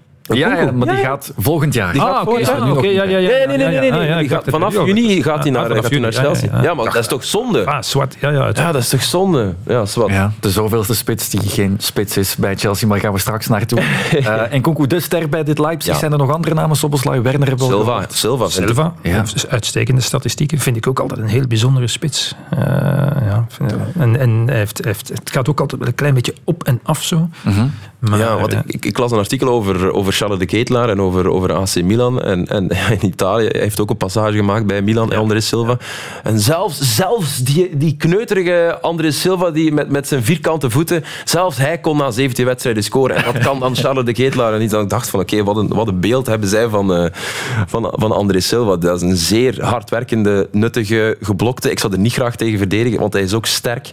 Eh, is gewoon een goede spits. Ja. Echt een, eh, echt een kapstok voor en was dat vorig jaar of twee, jaar, twee seizoenen geleden? 25 doelpunten nog eens gemaakt. Was vorig jaar, denk ik. Bij. Nog, ja. Ja, ja. Ja. Het is zeker geen ploeg die City het spel cadeau zal doen, denk ik. Veel hoge druk van beide ploegen, twee leuke wedstrijden. Ja, en, en eh, City gaat wel goed moeten zijn. Ja. Want anders worden ze toch verrast. Nu, nog eens, City is, is favoriet en ze gaan, ze gaan zich niet laten eh, uitschakelen, maar ze gaan wel, ja, we gaan wel bij de les moeten zijn. Dat denk ik wel. Ja, en Leipzig en hun omschakelingen. We hebben net eh, Tottenham eh, City gezien. Ja, dan hebben ze denk ik vier, vijf eh, levensgevaarlijke counters ehm, te verwerken gekregen. Dus ik zeg het, dat is net zoals Benfica. Als er iets van twijfel in je ploeg zit, wil je niet spelen tegen, tegen, tegen dat soort tegenstanders. Dat zijn de meest vreselijke tegenstanders. Niet afwachtend, maar vol op jou en direct testen van ben je goed genoeg vandaag of niet. Ik zag Peter kijken, want je hebt eh, Benfica verkeerd gezegd. Ah, Nee, ik heb het, ik heb het gemist. Ah, maar ik had het wel gehoord. allee, Jonathan, kom Nee, maar. sorry, ja. gewoon. Zeg het niet. Kom. Benfica. Benfica. Nee, goed. Kan Leipzig City verrassen? Ja, Durven jullie kan. op inzetten? Maar oké. Nee, maar goed, eh, eh, we kruisen natuurlijk eh, City aan als eh, kwartfinalist. maar ze gaan, eh, ze gaan wel goed moeten zijn. Ja. Ja, oké. Weet je, het zou mij niet compleet verwonderen of zo. Het zou wel passen in het verhaal dat City dit seizoen helaas aan het, eh, aan het, aan het schrijven is. Ik denk niet dat er iemand compleet uit de lucht zou vallen mocht dat gebeuren. Als je ziet wat er de voorbije weken bij, bij City aan het gebeuren is. Laatste stat die ik nog wil geven is sinds de komst van Roze staat Leipzig wel eerste in de Bundesliga. Hè? Dus dat is wel de impact die hij heeft gehad op dat elftal. Dus ze staan vierde, maar eigenlijk qua vorm staan ze, staan ze helemaal van boven. Ja. Klinkt mooi voor Leipzig. Dan gaan we naar de volgende wedstrijd. Dat is nog Ja, goed, sorry dat ik onderbreek, maar goed, we hebben het over, moest het nu Bayern zijn, dan zou je zeggen, ja, oké, wedstrijd in balans, misschien zelfs Bayern favoriet, want ja, de beste ploeg in Duitsland, ja, eigenlijk is, eigenlijk is dat Leipzig op dit moment. Zwat. favoriet om de Bundesliga te winnen? Of, of, of? Eh, dat, dat durf ik niet te zeggen, omdat er, er is die achterstand natuurlijk. Ja, je het, is, het is niet dat de competitie maar begint te tellen vanaf dat, eh dat roze is gekomen. Maar eh, ik wil gewoon maar zeggen, mensen kijken en denken aan Leipzig. Ah ja, vierde in Duitsland. Oké, Oké. Dat moet wel, moet wel haalbaar zijn. Maar eigenlijk zijn ze sinds de komst van Rozen zijn ze de beste ploeg. Ja, Maar het is wel ook altijd wishful thinking. Als Bayern is twee keer naar elkaar of drie keer naar elkaar niet wint, zeggen ze hola, hola. En ik zei het net, daarna hebben ze er acht binnengeduwd in twee wedstrijden. Dus ja, Ja. Het, is, ja, het is toch... Maar het is wel spannender dan, dan, dan ooit. Enfin, En dan, dat is lang geleden. In, maar in pas de op, eh, voor hetzelfde geld eh, over een maand. eh, Ja, ja, ja. Is Bayern weer kampioen in april? ja. ja, dat Ja. denk ik misschien niet, maar ja, die blijven toch nog altijd. Ja, eh, oké. Kunnen we dan niet naar de volgende wedstrijd? Ja, ja, ja, sorry. sorry. Voilà. Dortmund-Chelsea. We're actually starting with some big breaking news. We said that that Jao Felix deal was close. Not anymore. It's done. Jao Felix has now completed his loan move uh, to Chelsea. I'm very, very happy to, to be here uh, in Chelsea. It's one of the great teams in, in the world. Chelsea have signed Mikhailo Mudryk, the Ukrainian dribbly boy, the one that Arsenal really wanted. I'm very happy to be here, and uh, I can wait to see you, see you all, guys. We are going to start with Chelsea. It's been a very familiar theme this January because once again, Carve, the owner, has his checkbook out. Yes, Chelsea have agreed a deal in principle uh, to sign the young winger Noni Madueke. Hi, Chelsea fans. It's Noni here. Um, I'm so happy to be to be back in London and to be playing for you guys. We have some big, big breaking news. Carver, what you got? Yeah, we told you uh, a few minutes ago that the deal for Enzo Fernandez uh, to move from Benfica to Chelsea had been agreed in principle.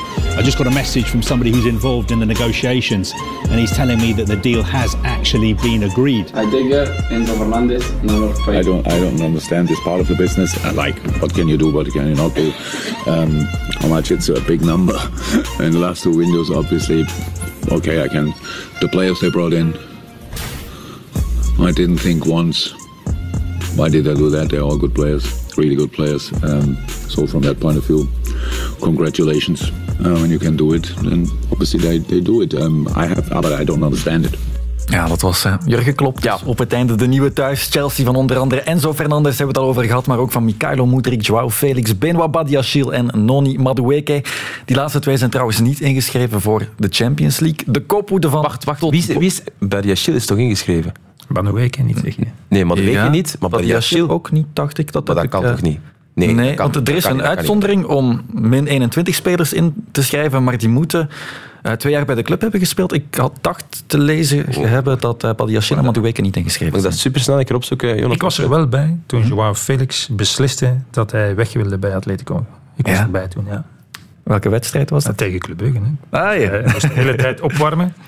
En dat dacht hij. En zo in de minuut 92 werd hij naar de bank geroepen, mocht hij terug gaan zitten. Ja. Dan, eh, zou ik hem teken doen? Eh, nee, dat vind ik nu. Na, maar toen dacht- een makelaar toen- kop. Nee, maar ik heb nadien wel gelezen. Toen heeft hij eh, s s'avonds tegen zijn makelaar gezegd: En nu zijn we weg. En nu zijn we weg naar Chelsea. Joao Felix Chelsea, omdat dat een goed idee is, dat is Ja. anders. Maar heeft sinds een rode kaart bij zijn debuut nog niet gespeeld. Mudryk werd gewisseld. Je hebt gelijk, hè? Dat hij niet in de, Niet in de lijst zit. Ja. Dat snap ik nu echt niet. Heel vreemd, hè? Wat? Ja, dat is... Dat is, dat, is, dat is letterlijk je...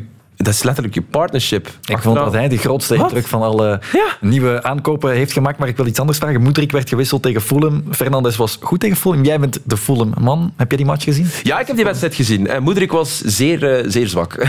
dus eh, al het goede dat hij in die, in die eerste wedstrijd... ja, ja, ja, dat was veelbelovend. Eh, maar blijkbaar had hij al een hele week een, eh, een verkoudheid. Ehm, dus, dus er werd eigenlijk meer gekeken naar Potter van waarom zet je hem? Terwijl hij niet fit is. Ehm, het, was, het, was, het was wishful, en, ja, wishful thinking, denk ik, van, eh, van, van Potter. Van, hopelijk kan Moedrik toch iets tonen. Maar die was, die was nergens in die wedstrijd. Fernandes was wel direct goed.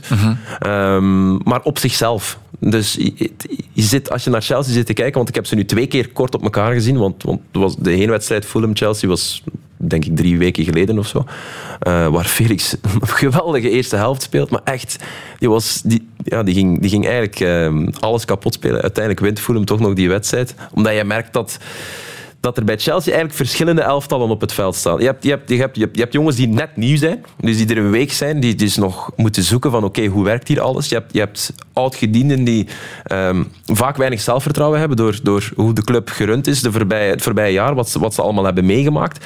Eh, en dan heb je ook nog jongens die ja, terugkeren uit blessures, zoals een Reece James, die ook nog allemaal zoeken. Maar iedereen zoekt eigenlijk. Dat is eigenlijk de conclusie bij dit Chelsea. En ik zeg het, Enzo Fernandez was direct goed, omdat hij in een soort van... Ja, die was twee dagen bij de club. Die wedstrijd tegen Fulham. Een soort flow. Hè. Die is Met een natuurlijk flow, voilà. eh, Voilà. uit eh, Qatar teruggekeerd. Zo Mhm. eenvoudig is. Dus die weet wel, oké, ik zet mij in het middenveld en hij weet wel perfect van, oké, als ik dat, dit en dat en dat doe, kan ik wel een goede wedstrijd spelen, maar er zit geen, eh, er zit geen idee achter of zo op dit moment. En de, de man die nog het meest zoekende van allemaal is, is, is Potter natuurlijk. Ja, zeker. Potter is een tovenaar, is dan de, is dan de conclusie, hè, uiteraard. Ja. Ik vind het echt belachelijk, ik kan er niet aan doen. Chelsea, wat is dat nu? Met al die aankopen bedoel je? Ja, jongens. En ja, je zou kunnen zeggen, als je die allemaal kan samenzetten in één ploeg, ja, daarmee kan je de Champions League winnen, in principe. Ja, ja, ja. Ja, maar nu toch nog niet. Nee, het wordt wel op de lange termijn gespeeld. Dat zien we ook aan de contracten. Acht seizoenen, denk ik. eh, Ja, wordt ja, makkelijk het is met afschrijven, ja, is dat- is het, eh, in de boeken ingeschreven. Ja, tuurlijk, dat is puur voor de uh, amortization. Ook hè, dat, ook dat is financiële doping, hoor, als je het mij vraagt. Mhm. Op een legale manier dan. Die overigens, eh Ja, want FIFA gaat daar paal en perk aan stellen. En contracten van, ze kunnen maar over vijf jaar meer afgeschreven worden. Ja, ja dat is... eh, van, nee, nee, zo maak je het internationale voetbal toch kapot. Kan er niet aan doen. Door al die spelers weg te plukken. Ja. Bij al die ploegen. En dan zitten we ondertussen met, eh, met, eh, met 35 bij wijze van spreken. Vind ik Ja. echt, eh, En ze overtreffen ook iedereen. Je hoorde het ook in die montage. Arsenal wilde heel graag Moedrik. Ja. Ze smijten er nog wat geld tegenaan en Moedrik gaat naar Ja, Chelsea. goed, dat is ook Shakhtar dan natuurlijk elke laatste Ja, ja. euro wil en goed kan gebruiken en dan last minute toch nog voor het grote geld kiest. En Moedrik, ja, ik denk dat hij wel echt naar Arsenal wou. Maar dat je dan uiteindelijk toch maar, ook al gaat die transfer over jou, je eigenlijk niet te veel in de pap te brokken hebt. Er wordt zoveel boven je jouw hoofd beslist. Nee, nee, nee. Dat wordt- Dat wordt ook volgens mij emotioneel gechanteerd. Want hey, eh, Shakhtar, eh, eh, Oekraïne, we hebben... allee, je, je gaat toch niet je- jezelf boven het land zetten. Dus Mhm. uiteraard kies je dan de beste deal en, en, en gaan we naar de partij die het meest geld wil leggen. Dus ja, want er ging toch 60 miljoen naar, eh, voor, naar de oorlogskas, heb ik toch eens ergens gelezen. Ja, een- was het een fabel? was 60 miljoen? Ah, ik, dacht, ik dacht dat het 25 miljoen was. Maar, Ah, ja, eh, maar goed, maar een, een, bepaalde van. som. Ja, maar dat is echt waar. Echt waar. Met, eh, dat, dat geld heeft de voorzitter... Formidabel. Heeft dat, ja, het, het- de voorzitter heeft dat gedoneerd aan, aan, aan Zelensky, zijn, zijn, zijn regering, aan het land. Een soort, soort van eh, patriotisme natuurlijk.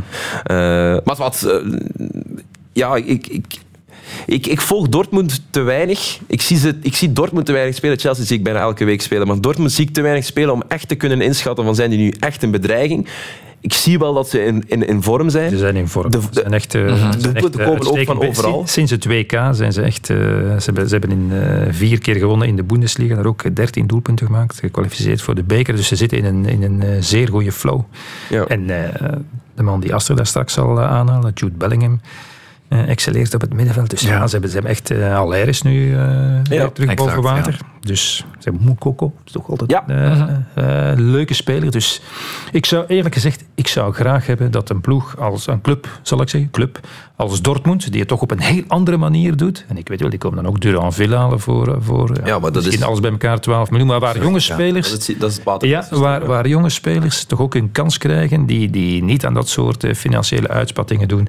Dus het, zou, eh, het is gewoon een leuke ploeg met Malen en dan de Jeen Mhm. op de flank. Dus het zou leuk zijn als Dortmund in al zijn bescheidenheid eh, Chelsea er even Ja, ik heb ook wel het gevoel dat er echt weer een ploeg staat bij, bij Dortmund. Inderdaad goed in vorm. En er is een spits. Nu terug, Haller, kankerverslagen, klaar om doelpunten te maken. Die spits is afwezig bij Chelsea. Hebben we er net al eens gezegd. Kai Havertz staat daar. Met die 300 miljoen hebben ze niet naar een spits gekeken. Maar nee, maar dat is, dat is toch onbegrijpelijk. Ik weet, ik weet nog Everton, die hebben vijf of zes seizoenen geleden is in één zomer drie nummers tien gekocht. Dat was ook, dat was toen, ik denk Klaassen en, en ehm, de, de IJslandse spits die nu... Sigurdsson. Sigurdsson, en dan was er En- nog de nummer tien. En dan ook Games hebben ze dan ook nog eens gehaald. Enfin, zo, dat, Was Vlasic toen? ja, wat, nu zijn we heel ver terug aan het, aan het graven. Maar Ik kan nog even verder terug gaan. Eh, Constant van den Stok heeft dat ook ooit eens gedaan, toen jullie nog niet geboren waren.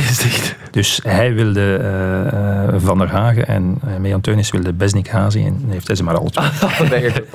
Geen Maar dezelfde discussie. positie. Ja. En ze hebben het allebei goed gedaan bij ons. Ah, voilà, kijk. Ja, dus- Spelen, spelen ze dan maar met één zes of met, spelen ze dan met, Ja, met spelen twee verdedigende middenvelders? ja. Eh, Oké, ja, het kan, kan, kan haast niet anders. Chelsea kan een elftal opstellen, dus een volledig elftal, elf spelers die allemaal in de frontlinie passen.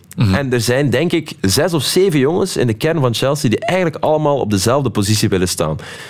Eh, in de spits, maar net niet. Zo in steun Ja, van de ja, ja. spits, zo'n 9,5. Gemakkelijk zo. Ja, Ja, oké, maar goed, die, die daar op hun best zijn. Eh, Felix natuurlijk, je hebt, eh, je hebt Havers, we gaan ze allemaal opzommen, hè, want dan zijn we misschien wel een, een hele poos bezig. Uh, Madueke, je hebt Sterling ook nog altijd natuurlijk in die kern. Die ja, ja, ja, maar Stelbaar toch wel. hè. Mensen trekken nu parallellen met, met toen, ehm, toen Abramovic kwam. Daar had je, de eerste zomer hebben ze jongens als eh, Crespo gekocht. Die, zo, jongens die het uiteindelijk eh, niet zo ver hebben geschopt bij, bij Chelsea. Die zo niet de ploeg waren, hè, waar Mourinho dan mee kampioen is geworden. Dus ze vergelijken nu de eerste koopzomer ehm, van Abramovic. Eigenlijk allemaal mislukkingen. Ehm, en ze denken nu dat bijvoorbeeld de jongens die vorige zomer zijn gekomen, de Sterlings, de, de Cucurella's, dat die, ehm, ja, dat die hun carrière bij Chelsea er nu ook al op zit. Dat dat eigenlijk zo de eerste keer dat je op de markt gaat, koop je uit ambitie. Maar dat valt dan tegen en dat, nu zou het dan het schot in de roos moeten zijn. Nee, laten we erover stoppen. We gaan de, Chelsea. Ja, Dortmund dan de leukere club inderdaad. Geven jullie hen een kans tegen Chelsea? Een grote kans?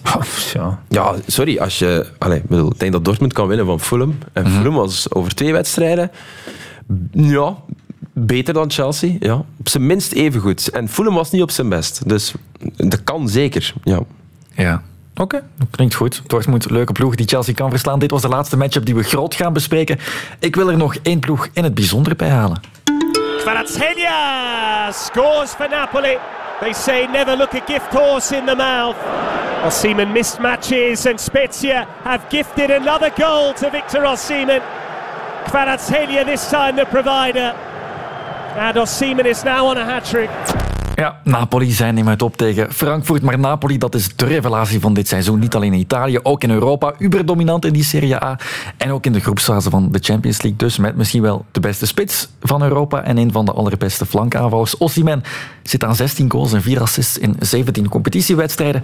Kvaratskhelia met Champions League erbij. 22 wedstrijden, 10 goals. 14 assists zijn cijfers om heel jaloers op te zijn, denk ik. Ja, ja, je zegt dat nu, hè, de beste spits van Europa. En dan denk je direct van, ja, maar nee, niet overdrijven. Maar als je ze allemaal op een rijtje gaat zetten, zeker hè, bij Benzema, die dan niet in vorm is, Lewandowski, ja... En je hebt dan Haaland, maar... Ja, ja, Haaland, ja. Er zijn er nog wel een paar, maar bij de beste. Hij is, Ja, hij is- ja, hij is erbij. Hij is er zeker bij. En, en, dat, en dat zegt veel. En ik vind dat hij nog dingen extra aan zijn spel heeft toegevoegd. Ehm, hij, is, hij is nog meer killer geworden. Ehm, hij had altijd al een neus voor doelpunten, dat hij zelfs al in België. Hè. Maar hij heeft ook een, een, ehm, een bepaalde beweeglijkheid die je bij geen enkel andere topspits ziet. Hij is ongelooflijk flexibel. Dat is, daar wordt eigenlijk weinig over gebabbeld, maar hij kan ballen halen. Ibrahimovic had dat ook. Dat was een goed voorbeeld van een spits die zijn been ook tot over zijn, eh, enfin, tot over zijn hoofd kon, eh, kon tillen, bij wijze van spreken. Maar het is echt een genot. Ja, maar Napoli is wel meer. Ze hebben nog veel spelers met ja. goede stats. Hè. Ze kijken naar Zelinski, naar eh, Politano ook, ja. naar Lozano, naar Simeone. Die hebben allemaal hun bijdrage aan, aan die eh, duizelingwekkende cijfers. Mhm. Saldo plus 36 in de Serie A. En ik weet wel dat daar minder goed verdedigd wordt dan, dan in de jaren 80 bij wijze van spreken. Maar ja, het is toch alles bij elkaar indrukwekkend.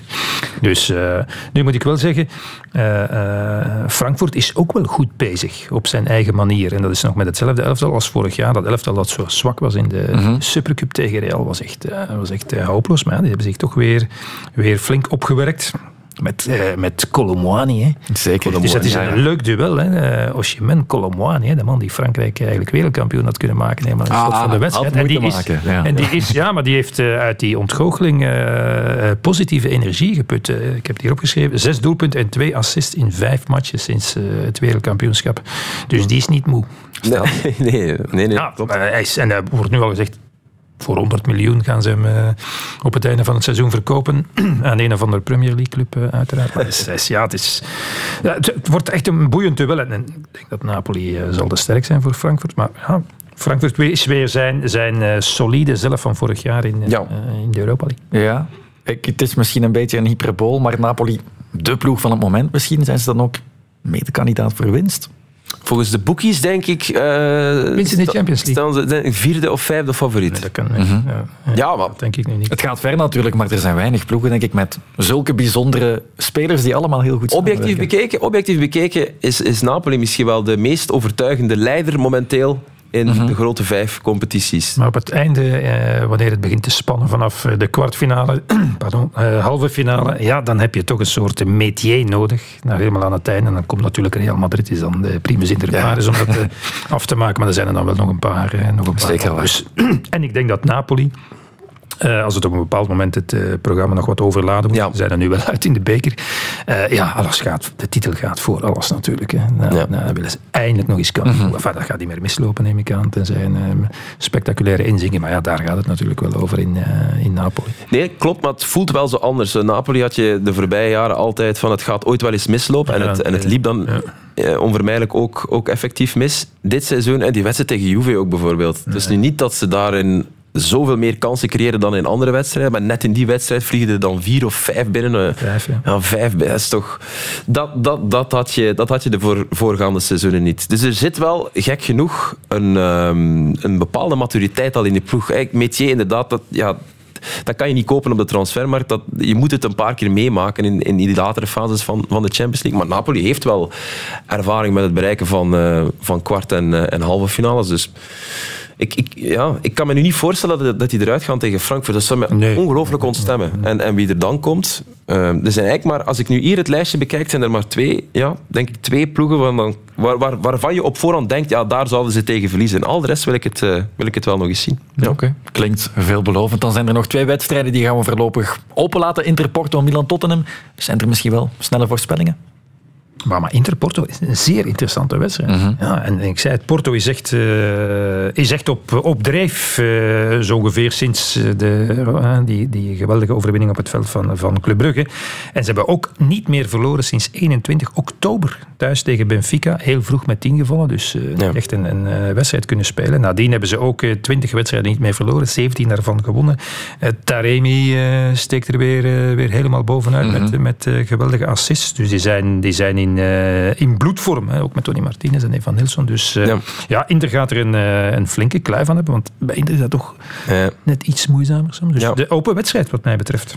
Ja, en Milan Tottenham, daar kijk ik nog meer naar uit eigenlijk. Omdat het, ja, wie is er nu eigenlijk favoriet? Ja, dan maar Spurs zeker. Maar, ja, zou toch denken. Ja, Ze hebben nu gisteren wel gewonnen met, eh, met 1-0, maar ik, ik las dat het eh, nog met de billen toe was. zo, eh, En Milan bedoel je? Milan Ja, bedoel je. Torino. Eigenlijk voor het eerst in na zeven wedstrijden of zoiets. Ja, ja, ja. ja Misschien is het Milan voor dat eerste doelpunt van Charlotte de Ketelaar. Ja, dat zou fantastisch zijn. Maar Milan, Milan is een club in crisis. Je ziet de coach Pioli heeft nu ook zijn, zijn formatie veranderd. Hij zoekt naar, naar oplossingen. Er zijn, er, ze hebben een slechte zomer achter de rug. Want de Ketelaar valt helaas tegen. Klopt. Cassier niet vervangen vind ik een hele belangrijke die ze missen.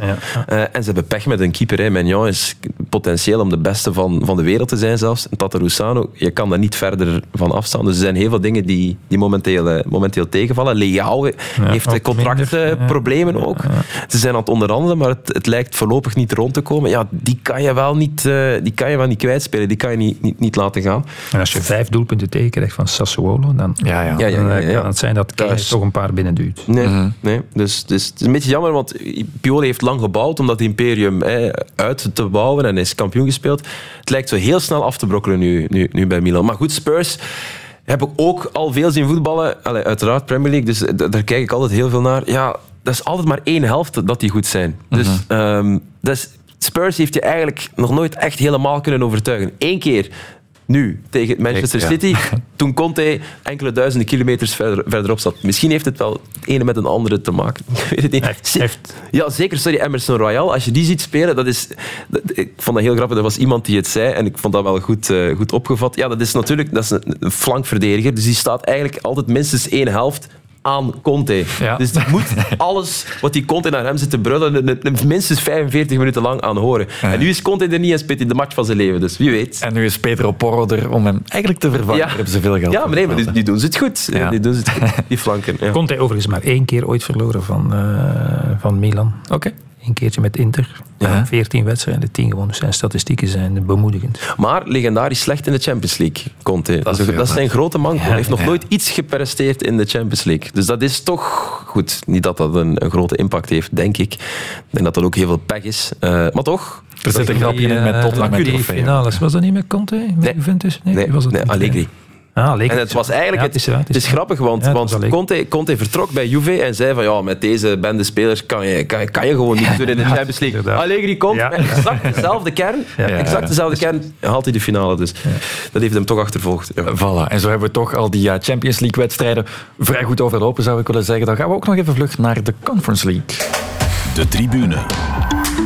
Want daarin vinden we twee Belgische ploegen die deze week ook spelen. A-agent tegen Karabach en Anderlecht tegen Ludo Gorets. zijn geen sprekende namen, maar zowel voor Gent als Anderlecht zou het lonen om het in Europa wat verder te schoppen dit jaar. Ik ga eerlijk zijn, ik kan er niks over zeggen. Weinig? Eh, als je mij dat nu eh, woensdag vraagt, dan zal ik mij ingewerkt hebben in Ludo Gorets, want die eh, wedstrijd doe ik, maar ik kan er voor het over eigenlijk... eh, dat, het, dat het een hele onderneming is om er te grijpen. Dat kan ik bijvoorbeeld, dat kan ik bijvoorbeeld wel zeggen. Uh-huh. Maar, maar ja, als je, als je kijkt zonder kennis van zaken naar die, naar die twee ploegen, dan zou ik zeggen, ja, het is een uitgelezen kans voor, voor Anderlecht, misschien nog meer dan voor Gent, om de, een ronde verder te geraken. Maar misschien verkijk ik me daar helemaal op. Eh, zeker wat Karabach eh, betreft. Dus, ja. Maar Anderlecht is, enfin, is de nummer 13 in onze competitie, of wat is het? Enfin, het is eigenlijk geen club die, die Europees zou mogen spelen op basis van waar ze nu staan in het klassement. Dus ik denk nu wel dat een, een Bulgaarse topclub... Ik denk niet dat Anderlecht favoriet is voor dat duel. Ik ken te weinig van... Maar ik kan me, ik kan me niet voorstellen dat, ehm, dat dit Anderlecht nu even favoriet is tegen Ludo Goretz. Het is niet omdat we die niet kennen dat daar... Ze zijn dus wel daar geraakt ook in, eh, in, in die fase van, van de Conference League. En Karabach... Ja, Anderlecht ook, hè?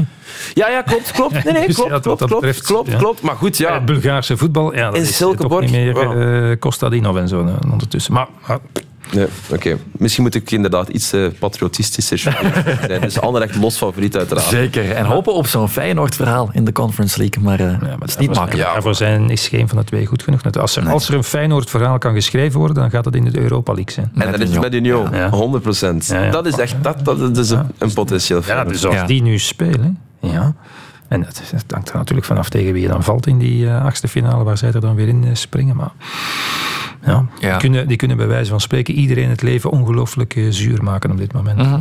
Ik denk wel dat een, eh, een sterk Europees verhaal, zowel voor Anderlecht als voor Agent, de nodige zuurstof zou kunnen bieden. En uiteraard is de situatie bij Anderlecht veel prangender dan, eh, dan bij Agent. Dat zie je ook aan de positie aan het klassement. Maar ik denk dat dat ehm, zeker voor, voor, ook voor Hein van Hazenbroek en, en, en de hele, ehm, ehm, moet ik het zeggen, klimaat in de club zou dat een, een ongelooflijke boost geven. Ik weet dat de dubbele sjaals al gemaakt zijn. Ja, ik heb ze ook Je hebt- gezien. Ze hebben zo'n dubbele sjaal laten maken. Aan de ene kant Agent, aan de andere kant Karabach. Dus als je geïnteresseerd bent, kan je die, kan je die kopen. Ja. Ik moest dat zeggen, want de Van den Belke vandaag. Het allermooiste souvenir. Geen originele, dat is bij elke wedstrijd. Is het. Dus, ja. Ja, geen fan van die sjaals. Maar oké, dat, dat, dat heb ik al een keer gezegd. Ergens. mag gezegd worden. Nee. Union staat dus inderdaad een ronde over in de Europa League. Ze gaan meteen naar eh, de 16e finales daar. Ik ga nog zeggen dat u Ludo Gorets Anderlecht donderdagavond eh, bij ons kan volgen op Canvas. Eh, en dan even terug naar die Champions League. Wat is jouw eerste wedstrijd, Peter? Eh, PSG Bayern. denk ik. Voilà, Ja, en dan, de hoofdprijs. ja, en dan eh, Club Benfica. En de week nadien eh, Liverpool, Real en eh Interport. Oké, veel tegen. plezier. Valt veel plezier zou ik zeggen. Aster, jij moet snel door naar eh Ik moet naar het Kuipje. Agent. Naar het Westels Kuipje, ja, ja, ja. Ik ga Agent eh, ja, hun generale repetitie zien. Benieuwd. En misschien een bot doen op Agent. En misschien een bot doen. Ja, ja, ja. Ik heb nog een paar, eh, paar centjes over. Nee, nee, maar goed, dat, dat nieuws is, is vandaag ook gekomen, klopt.